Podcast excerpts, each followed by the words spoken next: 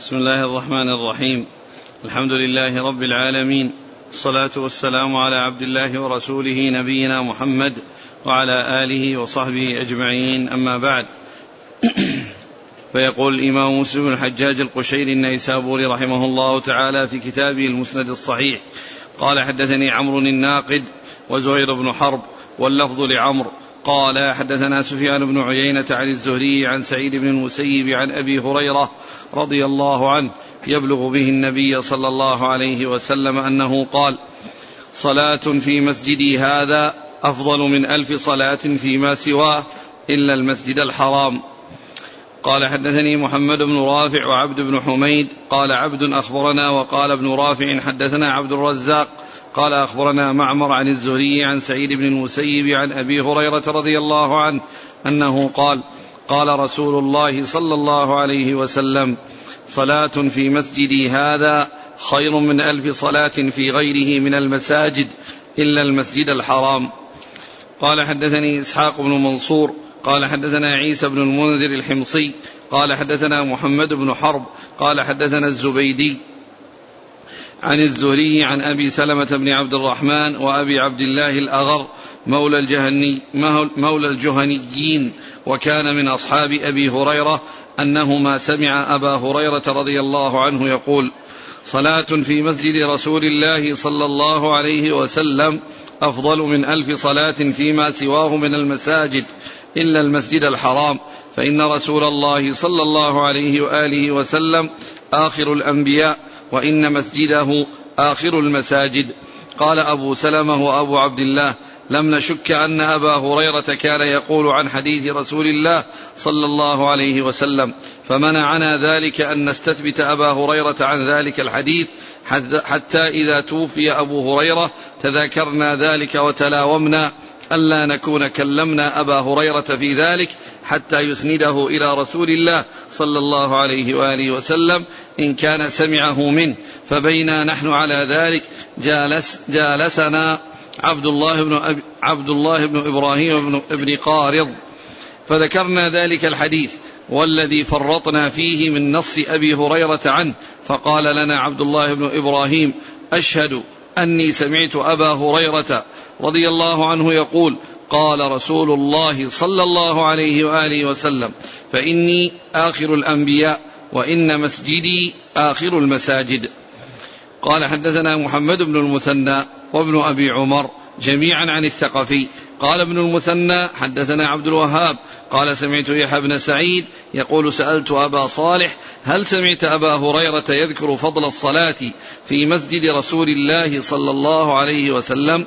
فقال لا ولكن أخبرني عبد الله بن إبراهيم بن قارض أنه سمع أبا هريرة يحدث أن رسول الله صلى الله عليه وسلم قال صلاة في مسجدي هذا خير من ألف صلاة أو كألف صلاة فيما سواه من المساجد إلا أن يكون المسجد الحرام. قال وحدثنيه زهير بن حرب وعبيد الله بن سعيد ومحمد بن حاتم. قالوا حدثنا يحيى القطان عن يحيى بن سعيد بهذا الإسناد. بسم الله الرحمن الرحيم. الحمد لله رب العالمين. وصلى الله وسلم وبارك على عبده ورسوله نبينا محمد وعلى آله وأصحابه أجمعين. أما بعد. فهذه الأحاديث عن أبي هريرة رضي الله عنه دالة على فضل الصلاة في مسجد الرسول صلى الله عليه وسلم وأنها خير من ألف صلاة وأنها أفضل من ألف صلاة إلا في فيما سوى من المساجد إلا المسجد الحرام. وهي تدل على أن الصلاة في هذا المسجد المبارك أنها مضاعفة وأنها تزيد على ألف صلاة أو أنها خير من ألف صلاة.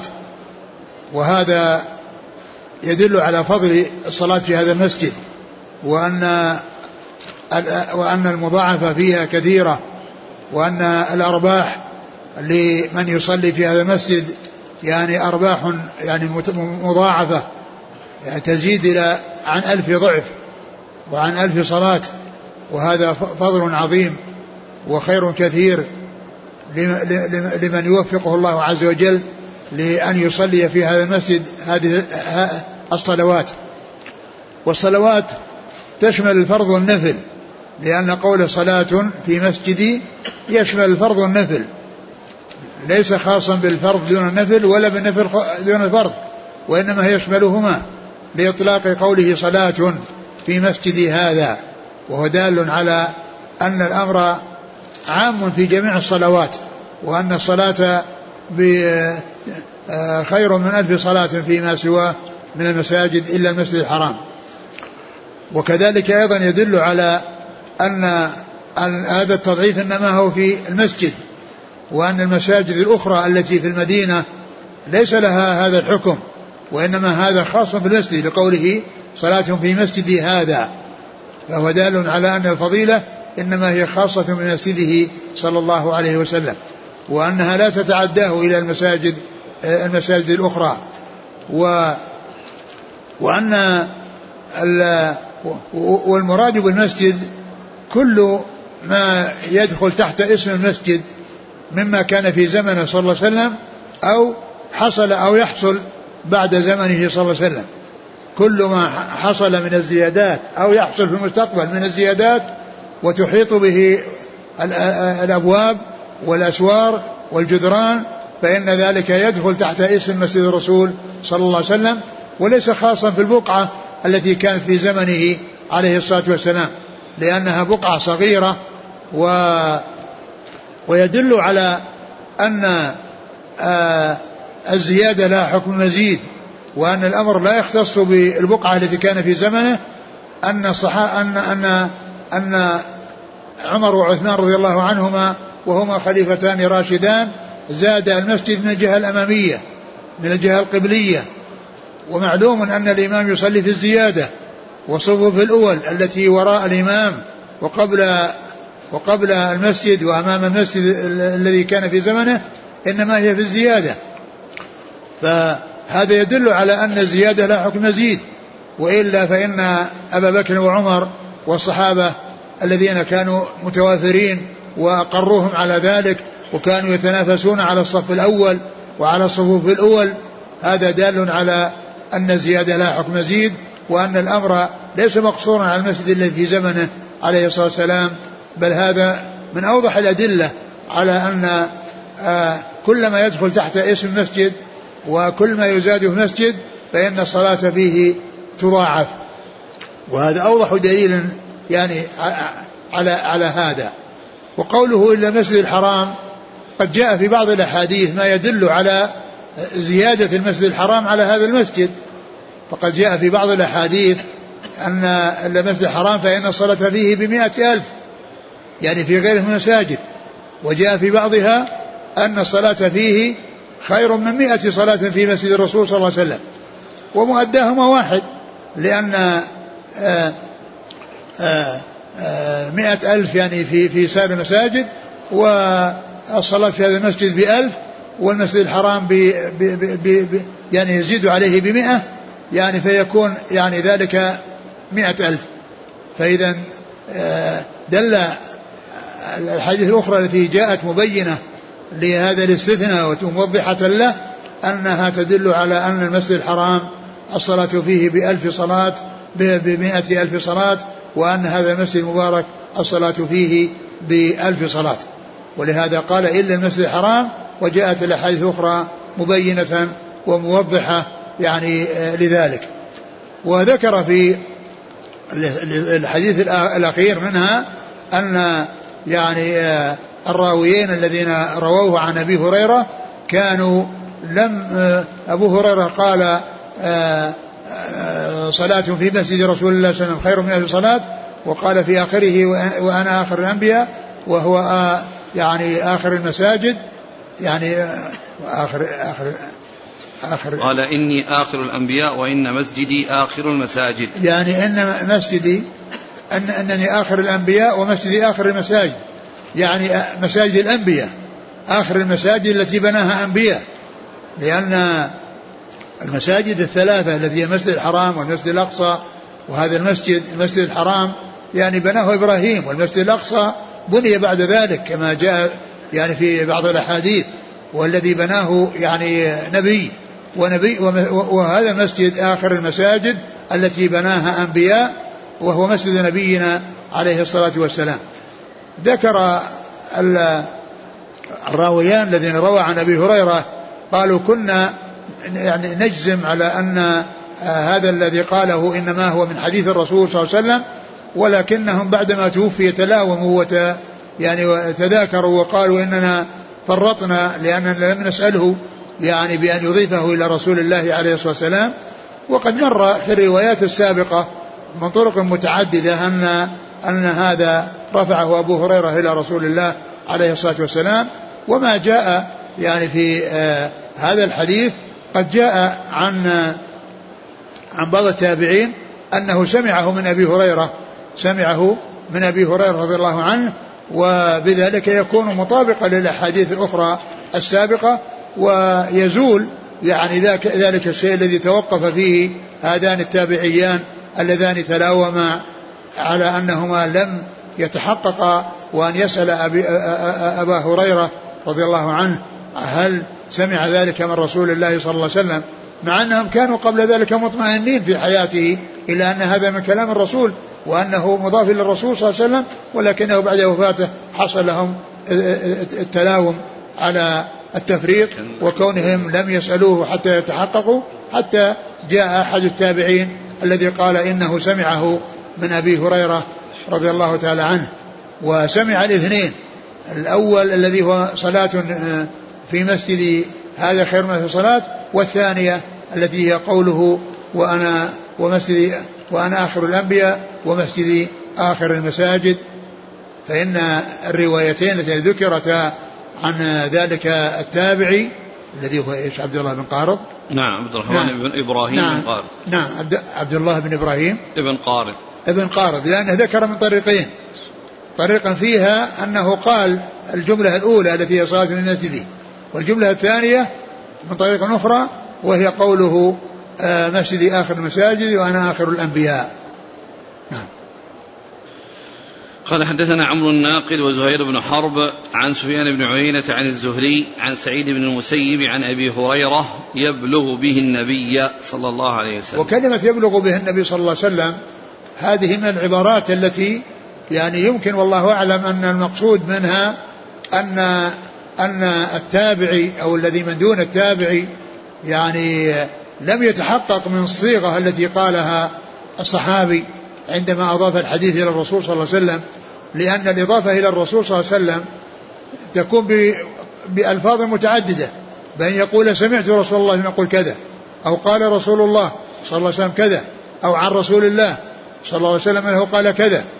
فإذا يعني جاءت مثل العبارة يبلغ به النبي أو يعني مرفوعا إلى النبي أو ما إلى ذلك من العبارات فإن هذا يفيد بأن أنه مضاف إلى الرسول صلى الله عليه وسلم ولكن الصيغة التي آه، حصلت عند إضافة الرسول صلى الله عليه وسلم هي التي لم تذكر. نعم. قال حدثنا محمد بن رافع وعبد بن حميد عن عبد الرزاق عن معمر. عبد الرزاق بن همام ومعمر بن راشد. قال حدثني إسحاق بن منصور عن عيسى بن المنذر الحمصي عن محمد بن حرب عن الزبيدي. الزبيدي هو محمد بن وليد بن عامر الزبيدي الحمصي. قال حدثنا محمد بن المثنى وابن أبي عمر. محمد بن يحيى بن أبي عمر العدني المكي.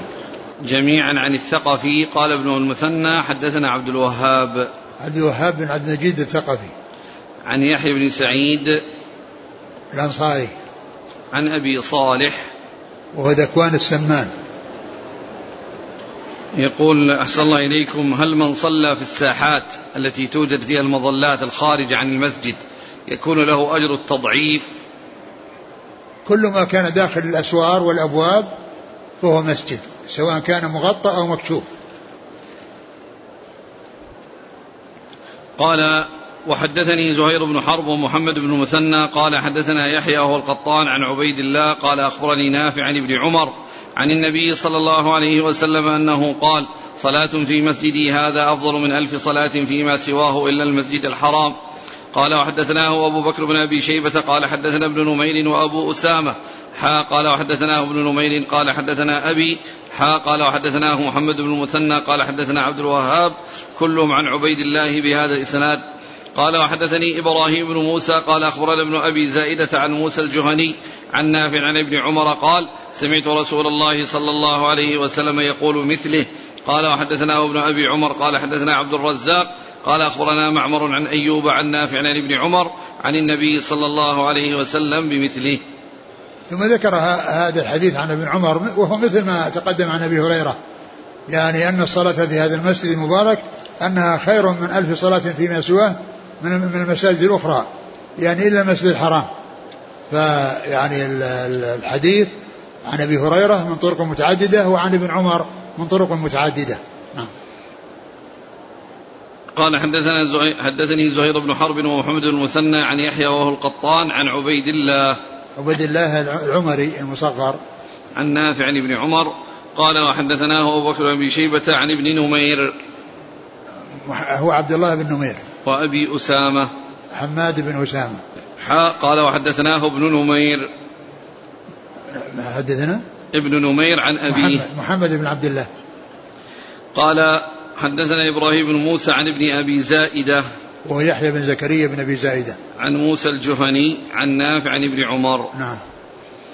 قال وحدثنا قتيبة بن سعيد ومحمد بن رمح جميعا عن الليث بن سعد. قال قتيبة حدثنا ليث عن نافع عن إبراهيم بن عبد الله بن معبد معبد عن ابن عباس قال أنه قال إن امرأة اشتكت شكوى فقالت إن شفاني الله لأخرجن فلأصلين في بيت المقدس. فبرأت ثم تجهزت تريد الخروج. فجاءت ميمونة زوج النبي صلى الله عليه وسلم تسلم عليها فأخبرتها ذلك. فقالت اجلسي فكلي فكلي ما صنعت وصلي في مسجد رسول الله صلى الله عليه وسلم. إني سمعت رسول الله صلى الله عليه وسلم يقول صلاة فيه أفضل من ألف صلاة فيما سواه من المساجد إلا مسجد الكعبة. ثم ذكر هذا الحديث عن عن عن, عن ابن عباس رضي الله تعالى عنهما أن امرأة كانت نذرت أنها شفاها الله عز وجل أنها تذهب وتصلي في بيت المقدس وأنها شفيت وأنها جاءت إلى ميمونة رضي الله تعالى عنها تخبرها بأنها ستذهب آه، وأخبرتها بأنها تهيأت وأنها استعدت لذلك وهيئت ما يلزم. فقالت لها أو أرشدتها إلى أنها تصلي في هذا المسجد ولا يحتاج إلى أن تسافر إلى بيت المقدس لأن الصلاة في هذا المسجد أفضل من الصلاة في بيت المقدس ومن سائر المساجد. ف يعني ف يعني معنى ذلك أنها يعني أن ميمونة أخبرتها بأن كونها نذرت أن تصلي في بيت المقدس أنها تصلي يعني في في هذا المسجد الذي هو أفضل بيت المقدس. وأن وأن آه، صلاتها فيه يعني يتحقق به يعني نذرها أو أكثر مما نذرته لأنها صلت في مسجد أفضل من المسجد الذي نذرته. وهذا يفيد بأن أن أن من نذر أن يصلي في هذا المسجد اللي هو مسجد الرسول صلى الله عليه وسلم وصلى في المسجد الحرام أن ذلك يكفيه وإذا نذر أنه يصلي في المقدس وصلى في المسجد الحرام أو في المسجد النبوي فإن ذلك يكفيه. يقول اجلسي فكلي ما صنعت. كلي ما صنعت الذي هيأته الذي هيأته للسفر والعدة من الطعام الذي هيأته للسفر يعني تأكله يعني تجلس وتأكله في المدينة. يعني بدل لما كانت تأكله في, في الذهاب إلى إلى بيت المقدس تأكله في المدينة. قال حدثنا قتيبة بن سعيد ومحمد بن رمح عن الليث بن سعد عن نافع عن إبراهيم بن عبد الله بن معبد عن ابن عباس. نعم. قال رحمه الله تعالى حدثني عمرو الناقد وزهير بن حرب جميعا عن ابن عيينة. قال عمرو حدثنا سفيان عن الزهري عن سعيد عن أبي هريرة يبلغ به النبي صلى الله عليه وآله وسلم لا تشد الرحال إلا إلى ثلاثة مساجد مسجد هذا ومسجد الحرام ومسجد الأقصى. قال حدثناه أبو بكر بن أبي شيبة قال حدثنا عبد الأعلى عن معمر عن الزهري بهذا الإسناد. غير أنه قال تشد الرحال إلى ثلاثة مساجد. قال وحدثنا هارون بن سعيد الأيلي قال حدثنا ابن وهب قال حدثني عبد الحميد بن جعفر أن عمران بن أبي أنس حدثه أن سلمان الأغر حدثه أنه سمع أبا هريرة يخبر أن رسول الله صلى الله عليه وسلم قال إنما يسافر إلى ثلاثة مساجد مسجد الكعبة ومسجدي ومسجد إيليا ثم ذكر هذه الأحاديث المتعلقة بالمساجد الثلاثة المفضلة التي هي مساجد الأنبياء وأن وأن الرحال لا تشد إلى بقعة من البقعة للتقرب إلى الله عز وجل فيها يعني سواء كانت مساجد أو غير مساجد إلا لهذه المساجد الثلاثة. أما السفر من أجل التجارة أو من أجل الزيارة أو من أجل طلب العلم أو ما إلى ذلك فهذا شيء آخر لا علاقة له في يعني في ما ما جاء الحديث من أجله لأن الحديث إنما جاء في السفر من أجل القربه والتقرب إلى الله عز وجل بمكان في مكان فاضل له تميز على غيره هذا هو الذي يدخل تحت هذا الحديث. أما إذا كان لأمر آخر من الأمور الدنيوية أو كذلك مما يتعلق في الأمور الأخروية فيما يتعلق بطلب العلم ويعني أو زيارة أو زيارة أرحام أو أقارب أو أصدقاء أو ما إلى ذلك فهذا لا علاقة له يعني في لا علاقة له في المنع وإنما المنع إنما هو للذهاب من أجل القربة ومن أجل التقرب إلى الله عز وجل بهذه العبادة التي يسافر من أجلها. قال لا تشد الرحال إلا إلى ثلاث مساجد. قوله لا تشد الرحال معلوم أن الرحال هي يعني يعني ما يوضع على البعير لأن الرحل يوضع على البعير. و وإنما قال لا تشد الرحال لأن الغالب أن السفر على الإبل. وإلا فإنه يدخل تحته لو سافر على فرس أو على حمار أو على بغل أو يمشي على رجليه. كل ذلك لا, لا يجوز أن يسافر ولا يجوز أن يحصل السفر إلا لهذه لمكان معين لقرب للتقرب إلى الله عز وجل فيه إلا لهذه المساجد الثلاثة. وإذا فالتنصيص على ذكر شد الرحال ما مع أن الأمر لا يقتصر عليها لأنها لأن الغالب هو الأسفار. في الأسفار أنها على الرحال التي الإبل التي يعني يكون يوضع الرحل عليها ويركب عليه الراكب. فيشمل ذلك يعني ما كل ما كان بمعناه من من الركوب على فرس أو على حمار أو على بغل أو كان يمشي الإنسان يسافر يعني ماشيا كل ذلك يعني داخل في معنى شد الرحال وداخل في معنى المنع من السفر. فإذا لا يسافر يعني بأي وسيلة من الوسائل يعني إلى أماكن معينة من أجل فضيلتها ومن أجل تقرب الله عز وجل فيها إلا هذه المساجد الثلاثة التي هي مسجد المسجد الحرام والمسجد النبوي والمسجد الأقصى. نعم.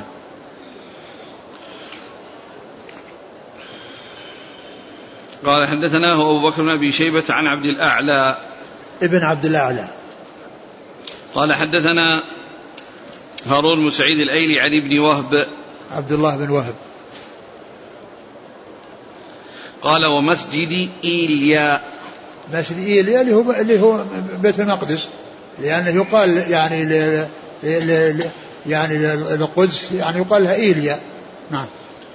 يقول السائل ما حكم السفر إلى قارئ؟ صوته جميل في رمضان للصلاة التراويح خلفه. يعني ال آه، آه، آه، أقول مثل هذا يعني إذا كان أن في شيء يعني يبعث على الخشوع أو على يعني هذا لا بأس به. يعني كون الإنسان يعني يذهب يصلي لكن كونه يذهب للحرمين الشريفين يعني ويصلي فيهما ويحصل الأجر والثواب هذا أولى.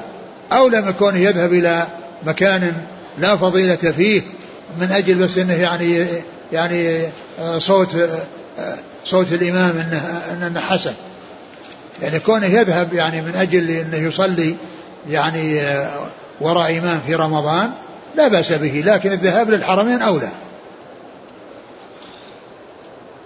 يقول ما هو الثابت في فضل الصلاة في مسجد إيلياء يعني جاء فيه يعني بعض الأحاديث التي يعني يعني تكلم في بعضها و يعني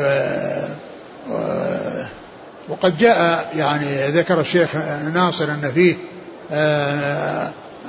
250 اللي هي المسجد النبوي صلاة فيه عن أربع صلوات. وجاء يعني ما يدل على أنه مثل هذا المسجد. ولا شك أن أنه دون هذا المسجد في الفضيلة أنه دون هذا المسجد في هذا المسجد فضيلة. وأقل ما ورد فيه 200 250 قال رحمه الله تعالى حدثني محمد بن حاتم قال حدثنا يحيى بن سعيد عن حميد الخراط قال سمعت أبا سلمة بن عبد الرحمن قال مر بي عبد الرحمن بن أبي سعيد الخدري قال قلت له كيف سمعت أباك يذكر في المسجد الذي أسس على التقوى؟ قال قال أبي دخلت على رسول الله صلى الله عليه وآله وسلم في بيت بعض نسائه فقلت يا رسول الله أي المسجدين الذي أسس على التقوى؟ قال فأخذ كفا من حصباء فضرب به الأرض ثم قال هو مسجدكم هذا لمسجد المدينة. قال فقلت أشهد أني سمعت أباك هكذا يذكره. قال وحدثنا أبو بكر بن أبي شيبة وسعيد بن عمرو الأشعثي. قال سعيد أخبرنا وقال أبو بكر حدثنا حاتم بن إسماعيل عن حميد عن أبي سلمة عن أبي سعيد عن النبي صلى الله عليه وسلم بمثله ولم يذكر عبد الرحمن بن أبي سعيد في الإسناد.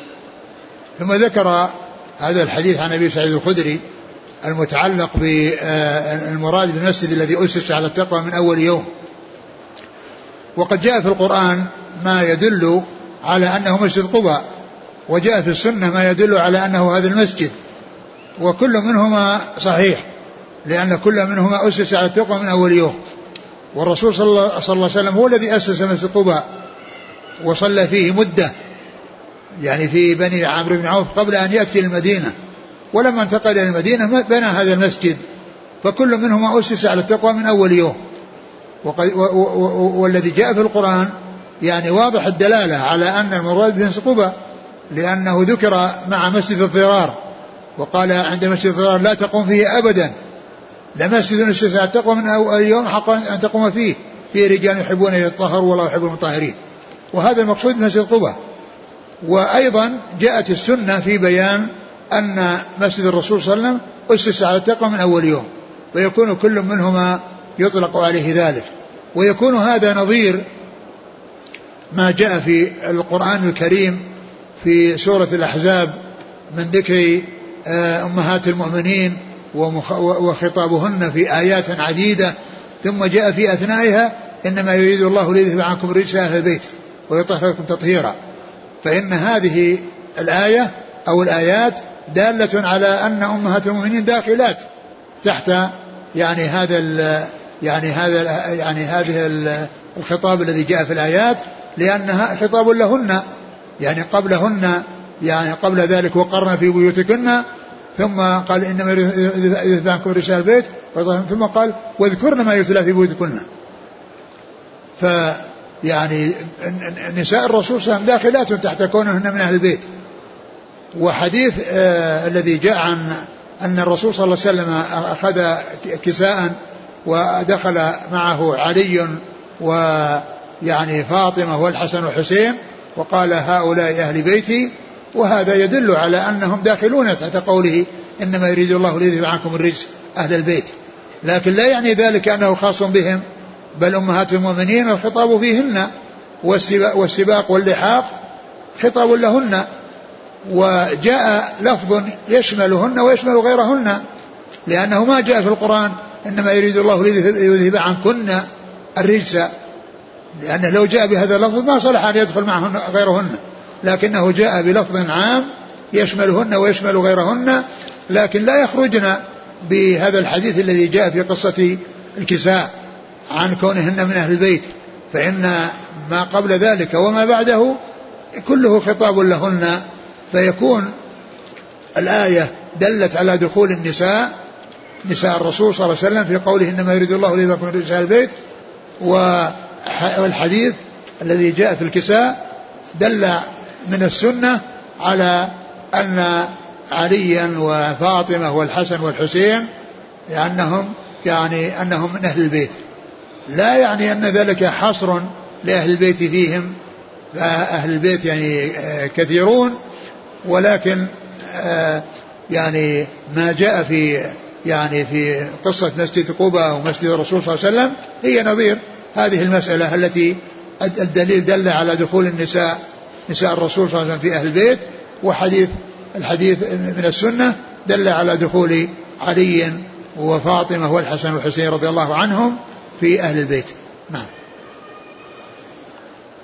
قال رحمه الله تعالى حدثنا أبو جعفر أحمد بن منيع قال حدثنا إسماعيل بن إبراهيم قال حدثنا أيوب عن نافع عن ابن عمر أن رسول الله صلى الله عليه وسلم كان يزور قباء راكبا وماشيا.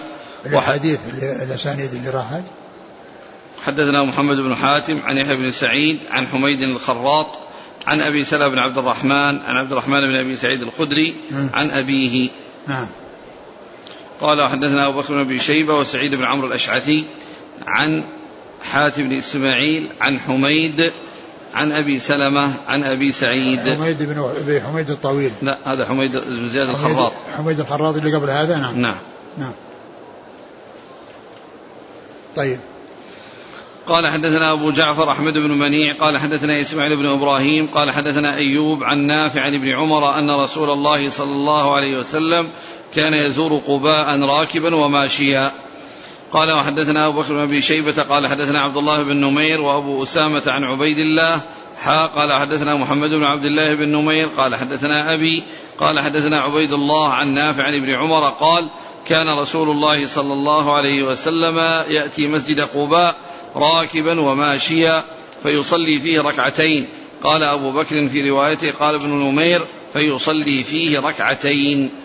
قال وحدثنا محمد بن المثنى قال حدثنا يحيى قال حدثنا عبيد الله قال أخبرني نافع عن ابن عمر أن رسول الله صلى الله عليه وسلم كان يأتي قباء راكبا وماشيا. قال وحدثني أبو معن الرقاشي زيد بن يزيد الثقفي بصري ثقة. قال حدثنا خالد يعني من الحارث عن ابن عجلان عن نافع عن ابن عمر عن النبي صلى الله عليه وسلم بمثل حديث يحيى القطان قال وحدثنا يحيى بن يحيى قال قرأت على مالك عن عبد الله بن دينار عن عبد الله بن عمر أن رسول الله صلى الله عليه وسلم كان يأتي قباء راكبا وماشيا. قال حدثنا يحيى بن أيوب وقتيبة وابن حجر قال ابن أيوب حدثنا إسماعيل بن جعفر قال أخبرني عبد الله بن دينار أنه سمع عبد الله بن عمر يقول كان رسول الله صلى الله عليه وسلم يأتي قباء راكبا وماشيا. قال وحدثني زهير بن حرب قال حدثنا سفيان بن عيينة عن عبد الله بن دينار أن ابن عمر كان يأتي قباء كل سبت وكان يقول رأيت النبي صلى الله عليه وسلم يأتيه كل سبت. قال وحدثناه ابن أبي عمر قال حدثنا سفيان عن عبد الله بن دينار عن عبد الله بن عمر أن رسول الله صلى الله عليه وسلم كان يأتي قباء يعني كل سبت كان يأتيه راكبا وماشيا. قال ابن دينار وكان ابن عمر يفعله. قال وحدثنيه عبد الله بن هاشم قال حدثنا وكيع عن سفيان عن ابن دينار بهذا الإسناد ولم يذكر كل سبت. ثم ذكر هذه الأحاديث عن ابن عمر رضي الله تعالى عنهما فيما يتعلق بالصلاة في مسجد قبى وكون النبي صلى الله عليه وسلم يزوره يعني كل كل سبت ويصلي فيه ركعتين. وهذا يدل على فضيلة هذا المسجد وأنه مسجد له منزلة وله فضيلة ولم يأتي آه يعني شيء من المساجد في هذه المدينة له فضل وله يعني منزلة إلا آه، مسجد الرسول صلى الله عليه وسلم ومسجد قباء أما ما عداها من المساجد فلم يأتي فيه سنة عن رسول الله عليه الصلاة والسلام. لم يأتي سنة إلا في هذين المسجدين مسجد الرسول عليه الصلاة والسلام ومسجد قباء مسجد الرسول صلى الله عليه وسلم تشد إليه الرحال وأما مسجد قباء فلا تشد الرحال إليه. لا يجوز لإنسان أن يأتي يعني مسافرا من أجل أن يصلي في قباء ثم يرجع. لكنه إذا جاء لهذا المسجد اللي هو مسجد الرسول صلى الله عليه وسلم فله أن يذهب إلى قباء كما يذهب أهل المدينة إلى قباء ويصلون فيه. فإذا آه، ثبتت السنة عن رسول الله عليه السلام أن مسجد قباء يزار وأنه له فضيلة ومنزلة وأن الصلاة فيه يعني مشروعة وثبتت عن رسول الله صلى الله عليه وسلم بفعله وكذلك جاءت من قوله.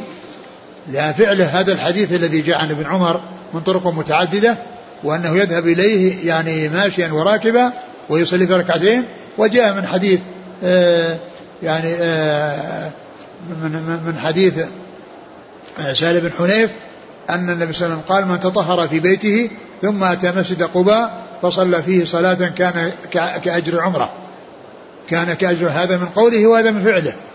إذا هذه السنة التي الذهاب إلى مسجد قباء ثبتت من فعله صلى الله عليه وسلم في هذا الحديث عن ابن عمر في الصحيحين وفي غيرهما وثبتت أيضا من قوله في حديث سهل بن حنيف أن من تطهر في بيته ثم أتى مسجد قباء فصلى فيه صلاة كان كعدل عمرة أو كأجر عمرة. و وجاء في بعض الروايات أنه كان يذهب إليه كل سبت. كل سبت. يعني معنى ذلك أنه يذهب إليه يوم السبت. ويعني وذلك أنه كل أسبوع. لأنه ما دام كل سبت يعني معناه كل أسبوع. ولا يعني ذلك أنه لا يزار له في السبت. لكن إن حصلت الزيارة في السبت فهذا هو المطابق لما جاء من فعله عليه الصلاة والسلام. وأما حديث سهل بن حنيف فهو عام. ولم يحدد يوما ولم يحدد صلاة. فيشمل الفرض والنفل. وأما هذا حديث ابن عمر أنه يذهب ويصلي فيه نافلة. وأما حديث سهل بن حنيف فإنه يذهب فيه ويصلي فيه صلاة. سواء كان ذهب لصلاة فرض أو ذهب ليصلي فيه نفلا فإن صلاته كعمرة سواء صلى فرضا أو صلى نفلا لكن بشرط أن يتطهر في بيته ويخرج قاصدا الصلاة في مسقوبة يعني كما أن المعتمر يتجهز في بيته ويذهب إلى مكة ويعتمر فهذا يتجهز في بيته للذهاب إلى قبى ويذهب ويصلي فيه صلاة سواء كانت فرضا أو نفلا فيكون يعني كأجر عمرة. وهذا دال على فضل الصلاة في هذا المسجد. وإن كانت في يوم السبت فلا شك أن هذا هو الأولى. وأيضا السبت قد يطلق على الأسبوع. يعني كما جاء في بعض الأحاديث أن أن الرسول صلى الله عليه وسلم استسقى يوم الجمعة على المنبر وأن المطر نزل وصار الأسبوع الأسبوع كله والمطر ينزل. قال في الأسبوع الآتي يعني يعني طلبوا الاستصحاء وأن أن الرسول يدعو بأن تكون صحوا. فدعا وقال اللهم حوالينا ولا علينا. وجاء أنه في بعض الروايات فما رأينا الشمس سبتا. فما رأينا الشمس سبتا يعني أسبوعا. فالأسبوع يقال له سبت ويقال له جمعة. يعني جاء إطلاق الجمعة وإطلاق السبت على الأسبوع.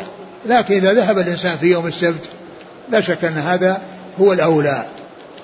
نعم. قال حدثنا أبو بكر بن شيبة عن عبد الله بن نمير وأبي أسامة حماد بن أسامة. عن عبيد الله. العمري. قال حدثنا محمد بن المثنى عن يحيى يحيى القطان. حدثنا أبو معن الرقاشي زيد بن يزيد الثقفي بصري ثقة عن خالد يعني ابن الحارث نعم. عن ابن عجلان. محمد بن عجلان. قال وحدثناه ابن أبي عمر عن سفيان. بن عيينة. قال حدثنيه عبد الله بن هاشم عن وكيع عن سفيان. وكيع بن الجراح وسفيان الثوري. عن ابن دينار. عبد الله بن دينار عمرو بن دينار. عم عبد الله عبد الله بن دينار. هو اللي كان يروي عن ابن عمر. ها؟ هو الذي أسانيد يرويه عن ابن عمر. نعم نعم عبد الله بن دينار. قال رحمه الله تعالى حدثنا يحيى بن يحيى التميمي وأبو بكر بن أبي شيبة ومحمد بن العلاء الهمداني جميعا عن أبي معاوية واللفظ ليحيى. قال أخبرنا أبو معاوية عن الأعمش عن إبراهيم عن علقمة. قال كنت أمشي مع عبد الله رضي الله عنه بمنى. فلقيه عثمان رضي الله عنه فقام معه يحدثه فقال له عثمان يا أبا عبد الرحمن ألا نزوجك جارية شابة؟ لعلها تذكرك بعض ما مضى من زمانك. قال فقال عبد الله لئن قلت ذاك لقد قال لنا رسول الله صلى الله عليه وسلم يا معشر الشباب من استطاع منكم الباءة فليتزوج فإنه أغض للبصر وأحصن للفرج ومن لم يستطع فعليه بالصوم فإنه له وجاء. قال حدثنا عثمان بن أبي شيبة قال حدثنا جرير عن الأعمش عن إبراهيم عن علقمة قال إني لأمشي مع عبد الله بن مسعود بمنى إذ لقيه عثمان بن عفان فقال هلم يا أبا عبد الرحمن؟ قال فاستخلاه. فلما رأى عبد الله أن ليست له حاجة قال قال لي تعال يا علقمة. قال فجئت فقال له عثمان ألا نزوجك يا أبا عبد الرحمن؟ جارية بكرا لعلها لعله يرجع إليك من نفسك ما كنت تعهد. فقال عبد الله لئن قلت ذاك فذكر بمثل حديث أبي معاوية.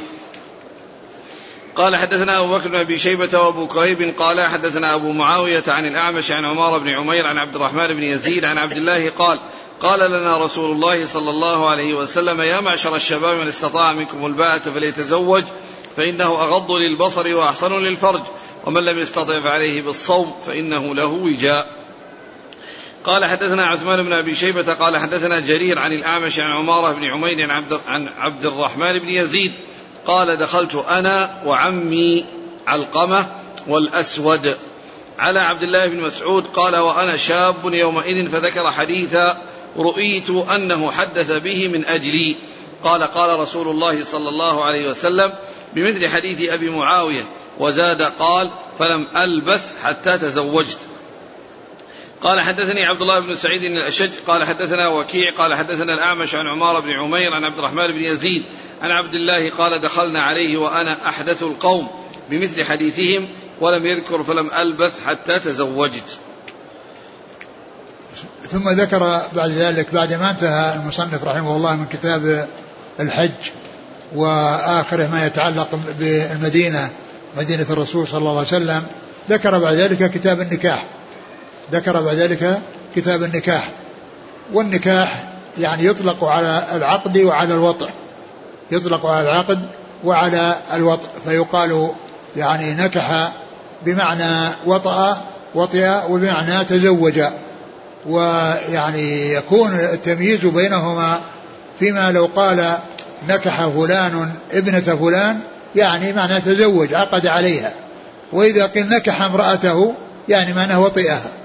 إذا قال نكح زوجته أو نكح امرأته معنى ذلك أنه وطئها. فيعني هذه القرينة تبين المراد. إذا قال وطئ زوجته وطئ امرأته وطئ أمته يعني معناه أن حصل الوطئ وأما إذا يعني إذا قال نكح ابنة فلان يعني معناه عقد عليها. نكح ابنة فلان عقد عليها وهو يطلق على العقد وعلى وعلى وعلى الوطء وذكر يعني مسلم رحمه الله هذه الأحاديث عن ابن مسعود رضي الله تعالى عنه من طرق متعددة وفيه آه هذا الحديث الذي آه خاطب فيه صلى الله عليه وسلم الشباب وقال يا معشر الشباب من استطاع منكم الباء فليتزوج فإنه أحسن الفرج وأغض البصر. ومن لم يستطع فعليه بالصوم فإنه له وجاء. آه وذكر فيه يعني في بعض الطرق هذه القصة وهي أن عثمان بن عفان رضي الله عنه لقي عبد الله بن مسعود في منى وأنه يعني اختلى به وأنه آه يعني آه بعد ذلك عبد الله بن مسعود دعا آه علقمة دعا علقمة بن ابن قيس النقعي. دعا علقمة بن قيس النخعي ويعني سمع علقمة يعني هذا الكلام الذي دار بين ابن مسعود وبين عثمان بن عفان وقال ابن عثمان ألا نزوجك بكرا أو جارية؟ هو دخل عبد الرحمن بن يزيد. نعم. قال دخلت أنا وعمي علقمة والأسود على عبد الله. قال وأنا أش وأنا شاب يومئذ. نعم, نعم. عبد الرحمن بن يزيد. عبد الرحمن بن يزيد. يعني دخل هو عمه هو عمه علقمة وأخوه الأسود بن يزيد. وأخوه الأسود بن يزيد دخلوا و وحدث بهذا الحديث. لكن فيه هذا الذي الذي سبق أن أن, أن جرى بين عثمان وبين كان معهم علقمة في منى. نعم. إيش؟ القصة الأولى أنه كان معهم علقمة في منى فأراد أن يستخليه. أراد؟ أن يستخليه. نعم. أراد أن يستخليه يعني يخلو به وأن يكون يعني يتحدث معه على الخصوص. ثم إنه بعد ذلك لما يعني انتهى أو رأى أن أن أن الأمر لم يبقى شيئا خاصا بينه وبينه فدعا دعا علقمة الآن هنا علقمة. نعم دعا علقمة. دعا علقمة فحدثه فسمع الحديث الذي جرى بينهما أو القصة التي جرى جرت بينهما. ثم إن ابن مسعود حدث بالحديث أو تذكر الحديث في ذلك عن رسول الله صلى الله عليه وسلم الذي فيه الأمر بالزواج وأن هذا وأنه خاطب الشباب وذلك أنهم هم الذين عندهم الشهوة وعندهم الداعي الذي يدعو إلى النكاح لقوة الشهوة يعني فيهم فخاطبهم الرسول صلى الله عليه وسلم بقوله يا معشر الشباب من استطاع منكم الباء فليتزوج؟ يعني من قدر على أن يتزوج بأن وجد المؤن التي تمكنه من الزواج فإن عليه أن يتزوج. وذلك ليظفر بمصلحتين يعني آه، عفة الفرج وغض البصر. يعني عفة الفرج فلا يفكر في محرم وغض البصر فلا يحصل منه النظر إلى محرم وذلك أنه إذا حصله عن طريق الحلال فإنه ينصرف بذلك ويغنيه أن يعني تطلع نفسه إلى شيء لا يسوغ ولا يجوز. قال فإنه أحسن الفرج وغض البصر. ثم قال ومن لم يستطع؟ يعني ما عنده قدرة على أن يتزوج ما عنده ما عنده مال يتزوج به. أرشده عليه الصلاة والسلام إلى إلى الصيام. قال ومن لم يستطع فعليه بالصوم فإنه له وجاء. يعني مثل الخصاء معنى ذلك أنه يضعف الشهوة لأن الأكل والشرب والتمتع والتلذذ بالطعام والنعم هذا هو الذي يقوي الشهوة. ولكن إذا كان الإنسان يصوم يعني يخف ذلك عنه. فهذا هو العلاج النبوي الذي جاء عن رسول الله عليه الصلاة والسلام فيما لم يقدر على الصيام وأنه في لم يقدر على الزواج فإنه يعني يصير إلى الصيام الذي يضعف شهوته ويجعله يعني يخف عما كان عليه من قبل من القوة فيحصل الإضعاف أو إضعاف الشهوة بكونه يواصل الصيام أو يكثر من الصيام. ثم قال إنه فإنه له وجه يعني بمثابة الوجاء يعني الخصاء. يعني يعني عندما يعني يعني معلوم أن الحيوانات الحيوانات عندما يراد يعني تسمينها ويراد يعني فإنها يعني يعملون لها الخصاء يعني حتى يكون عندها يعني سمن وعندها من هذا من أسباب السمن. وإذا يعني صارت الخصاء موجودة فإنها تنزو على وذلك يضعفها وذلك يضعفها. فقال هنا فإنه له وجاء يعني أنه مثل الخصاء. إذا إذا حصل الخصاء فإنه ما يحصل معه شهوة للجماع شهوة للنكاح. فهذا هو العلاج لمن لم يقدر. و وهذا هو العلاج النبوي الذي ثبت به السنة. وأما يعني ما يظنه بعض الناس من أنه يصار إلى العادة السرية التي هي الاستمناء فإن هذا غير صحيح لأن ذلك ممنوع منه وقد جاء المنع في المنع منه في القرآن ودل المنع على استعمال يعني يعني الاستمناء باليد أو بغيرها أن ذلك لا يسوء بدلالة القرآن على ذلك لأن الله تعالى قال والذين هم لفروجهم حافظون إلا على أزواجهم أو ما ملكت أيمانهم فإنهم غير ملومين. يعني معنى ذلك أنه إذا فعل في غير الزوجة وملك اليمين فهو ملوم. إذا قضى شهوته في غير الزوجة وملك اليمين فإنه ملوم. ولو كان في هذه العادة السرية. ثم قال فمن ابتغى وراء ذلك فأولئك هم العادون. أيضا فإذا دلت الآية من جهتين. من جهة أن أن من اقتصر على ما أبيح له هذا غير ملوم وأن من تجاوز ما أبيح له إلى ما لم يبح فإنه ملوم. وأيضا في في الآية الأخرى قال فمن ابتغى وراء ذلك فأولئك هم العادون. ولا شك أن الاستمناء مما وراء ذلك مما وراء الزوجة هو ملك اليمين. نعم. قال حدثنا يحيى بن يحيى التميمي وأبو بكر بن أبي شيبة ومحمد بن العلاء عن أبي معاوية عن الأعمش. محمد بن خازم الضرير الكوفي والأعمش سليمان بن مهران الكاهلي الكوفي. عن إبراهيم. إبراهيم بن يزيد بن قيس النخعي. عن علقمة. علقمة بن قيس النخعي. عن عبد الله. عبد الله بن مسعود رضي الله تعالى عنه. بمنى. نعم بمنى يعني في الحج. نعم. يعني انهم بعد الإحلال. معلوم إنه بعد الإحلال هذا هذا بعد الإحلال بعد التحلل. قال حدثنا عثمان بن أبي شيبة عن جرير. ابن عبد الحميد الضبي الكوفي. قال حدثنا عثمان بن أبي شيبة عن جرير عن الأعمش عن عمار بن عمير عن عبد الرحمن بن يزيد. قال دخلت أنا وعمي علقمة والأسود. نعم. الأسود بن الأسود بن يزيد. على عبد الله بن مسعود. أخوه. نعم. قال وحدثني أبو بكر بن نافع العبدي. قال حدثنا بهز. قال حدثنا حماد بن سلمة عن ثابت عن أنس رضي الله عنه أن نفرا من أصحاب النبي صلى الله عليه وسلم سألوا أزواج النبي صلى الله عليه وسلم عن عمله في السر. فقال بعضهم لا أتزوج النساء. وقال بعضهم لا آكل اللحم. وقال بعضهم لا أنام على فراش. فحمد الله واثنى عليه فقال ما بال اقوام قالوا كذا وكذا لكني اصلي وانام واصوم وافطر واتزوج النساء فمن رغب عن سنتي فليس مني. نعم.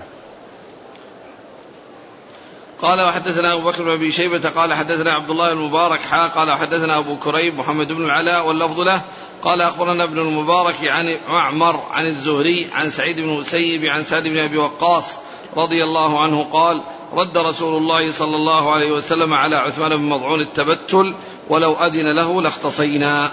وذكر ما يتعلق بال يعني بالانقطاع للعبادة وعدم وعدم إعطاء النفس حظها مما تشتهيه يعني من الزواج ومن النوم ومن الإفطار.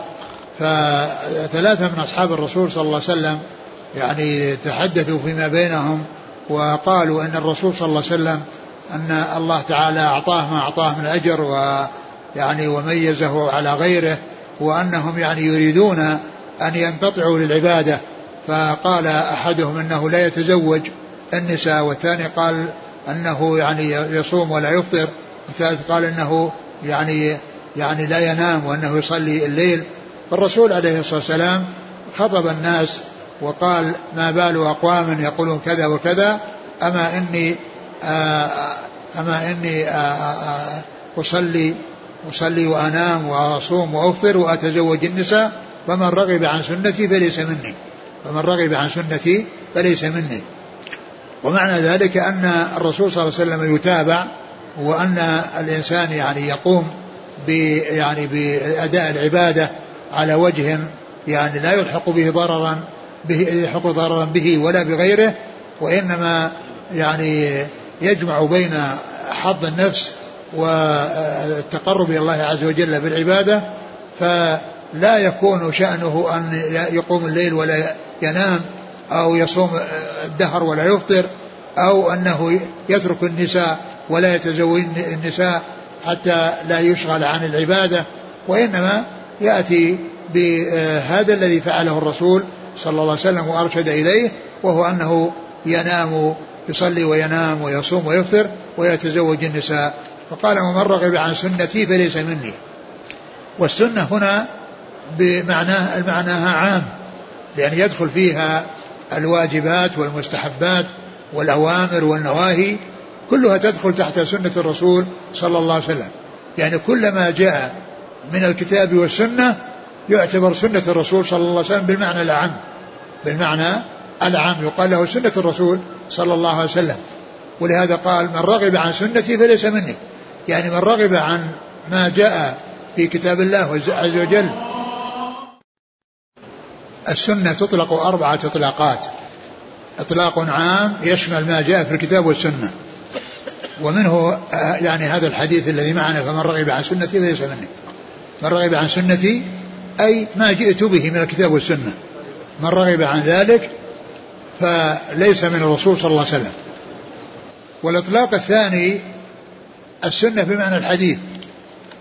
وهذا فيما إذا جاء في كلام الفقهاء وكلام شراح الحديث وهذه مسألة دل عليها الكتاب والسنة والإجماع. دل عليها الكتاب والسنة والإجماع. فإذا جاء ذكر السنة مع الكتاب فالمقصود بها حديث الرسول صلى الله عليه وسلم. المقصود بها خصوص حديث الرسول عليه الصلاة والسلام. وتطلق أيضا فيما يقابل البدعة. يعني هذا سنة وهذا بدعة. وهذا سني وهذا بدعي. ف فهذا يعني يعني من من الإطلاقات. والإطلاق الرابع وهو عند الفقهاء أو في اصطلاح الفقهاء ما يساوي المندوب والمستحب لأنه يقال يعني يسن كذا إذا الفقهاء إذا قال يسن كذا يستحب. بمعنى المستحب وبمعنى المندوب يندب كذا يستحب كذا يسن كذا. فهذا باصطلاح الفقهاء يراد به ما جاء الأمر به من الشارع ليس على سبيل الإيجاب وإنما على سبيل الاستحباب. وهو يقولون يعني ما يثاب فاعله ولا يعاقب ما يثاب فاعله ولا يعاقب تاركه ويطلبه الشارع طلبا غير جازم. يطلبه الشارع طلبا غير جازم لأن الواجب هو الذي يثاب فاعله ويعاقب تاركه ويطلبه الشارع طلبا جازما. فإذا آه، إذا في كتب الفقه إذا قالوا يسن يندب يستحب هي معناها واحد. والذي معنا الآن في هذا الحديث هو المعنى الأوسع الأشمل الذي يشمل كل ما جاء في كتاب الله عز وجل وسنة رسوله صلى الله عليه وسلم. ثم ذكر الحديث الثاني المتعلق بالتبتل وهو الانقطاع يعني وترك الزواج والانقطاع للعبادة وأن أحد الصحابة رضي الله عنهم طلب أو آه، استأذن الرسول صلى الله عليه وسلم بالتبتل فرد عليه ذلك وأنكر عليه ذلك ولهذا قال سعد لو أذن له لاختصينا. سعد ولا أبو هريرة؟ نعم سعد. سعد. قال لو أذن له لاختصينا. يعني معناه أنهم يعني يعني يعني كأنهم يعتقدون أو يظنون أن لهم أن يختصوا. وذلك يعني يعني يعني يتخلصوا من الخصيتين لأن بذلك لا تكون الحاجة إلى آه، الزواج والجماع. قال حدثنا حدثني أبو بكر بن نافع العبدي نعم. عن بهز بن أسد.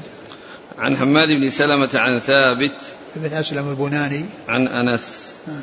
قال وحدثنا أبو بكر بن أبي شيبة عن عبد الله بن المبارك قال حدثنا أبو كريب عن ابن المبارك عن معمر معمر بن راشد. عن الزهري عن سعيد المسيب عن سعيد عن سعد بن أبي وقاص. نعم. قال وحدثني أبو عمران محمد بن جعفر بن زياد قال حدثنا إبراهيم بن سعد عن ابن شهاب عن الزهري نعم. عن سعيد بن المسيب قال سمعت سعدا يقول رد على عثمان بن مضعون التبتل ولو أذن له لاختصينا قال حدثنا محمد بن رافع قال حدثنا حجين بن مثنى قال حدثنا ليث عن عقيل عن ابن شهاب أنه قال أخبرني سعيد بن المسيب أنه سمع سعد بن أبي وقاص يقول أراد عثمان بن مضعون أن يتبتل فنهاه رسول الله صلى الله عليه وسلم ولو أجاز له ذلك لاختصينا. نعم. باب آخر. الإسناد الأسانيد قال حدثني أبو عمران محمد بن جعفر بن زياد قال حدثنا إبراهيم بن سعد عن ابن شهاب عن الزهري. نعم ابن شهاب.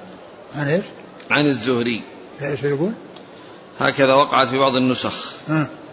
عن ابن شهاب عن الزهري ابن شهاب هو الزهري والصواب إسقاط عن نعم. عن ابن شهاب الزهري نعم.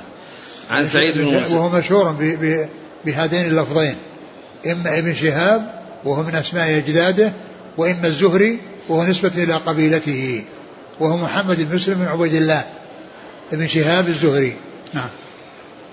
قال حدثنا محمد بن رافع عن حجير بن المثنى عن ليث عن عقيل. عقيل بن خالد بن عقيل. عن ابن شهاب عن سعيد المسيب عن سعد بن وقاص. نعم. انتهى الباب. والله تعالى أعلم وصلى الله وسلم وبارك على عبده ورسوله نبينا محمد وعلى آله وأصحابه أجمعين. جزاكم الله خيرا وبارك الله فيكم الهمكم الله الصواب ووفقكم للحق. شافاكم الله وعافاكم ونفعنا الله بما سمعنا. غفر الله لنا ولكم وللمسلمين أجمعين. آمين. يقول آه، خلوة عبد الله بن مسعود مع عثمان مع وجود علقمة وجاء الحديث في النهي عن تلاجي اثنين دون الثالث كيف يوجه؟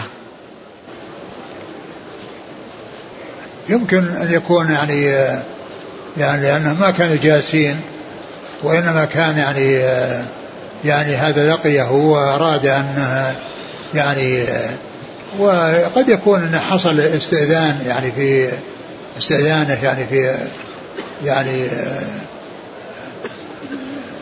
استئذان يعني هذا وقد يكون إنه يعني إنه يعني أن الأمر إن عثمان رضي الله عنه رأى أن هذا الكلام إنما يختص به ف يعني خلا به. ثم بعد ذلك لما خلص دعوه فإذا هم ما تركوه وإنما حصل تدارك. يعني هذا الشيء بعدما فرغوا من الشيء الذي آه، أرادوا عدم إظهاره.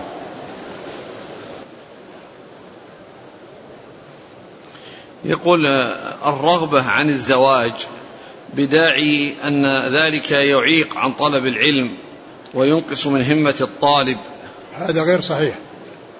الزواج يعين على طلب العلم ويجعل الإنسان يتمكن بدل ما يكون مشغول عن طلب العلم يكون متفرغ لطلب العلم. يقول آه، هذه المساجد الموجودة بجوار المسجد النبوي.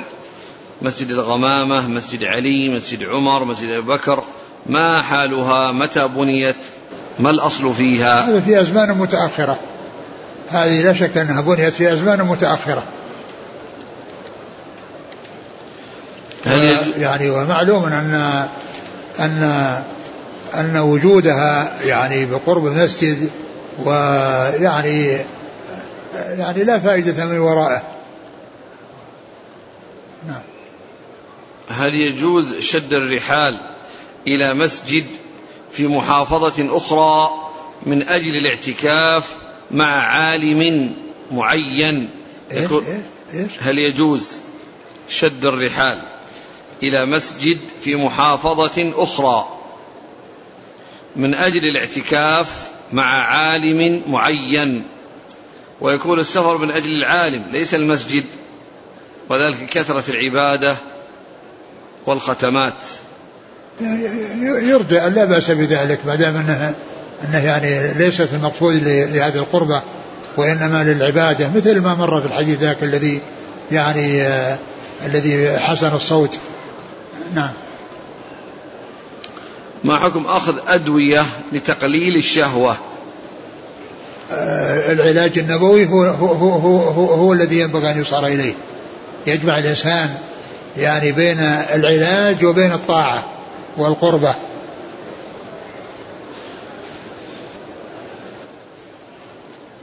يقول في بلدي توجد شركة إذا دفعت لها في كل شهر خمسين ريال فبعد ثلاث سنوات يعطيك صاحب الشرك الشركة خمسة آلاف إيش إيش؟ شركة آه. إذا دفعت لها كل شهر خمسين ريال. من أجل إيش؟ بعد ثلاث سنوات يعطيك خمس آلاف. يعني آه، يعني يدفع خمسين خمسين ريال في كم كم مدة؟ ثلاث سنوات كل شهر خمسين ريال. أيوة. بعد ثلاث سنوات يعطيك خمس ألاف. هذا غير جائز هذا هذا مثل القرض الذي يعني مثل القرض أو البيع يعني مع, مع, مع النسيئة. يعني هذا من جنسه من جنسه. يعني لا يجوز مثل هذا العمل. ما قال. طيب لو كان استثمار شيخنا إيش؟ لو كان استثمار أسهم يقول ادفعوا خمسين ريال قيمة السهم استثمار أعطيكم بعد ثلاث سنوات على هذه الأسهم خمسة آلاف. لا هذا أقول هذا يعني آه، الربح يعني كما هو معلوم يعني غير واضح. يعني ما يكون يعني فيما يتعلق بالاستثمار والمضاربة أنه يعني يكون الربح يعني بين بل الربح مجهول. وقد يحصل ربح وقد لا يحصل ربح.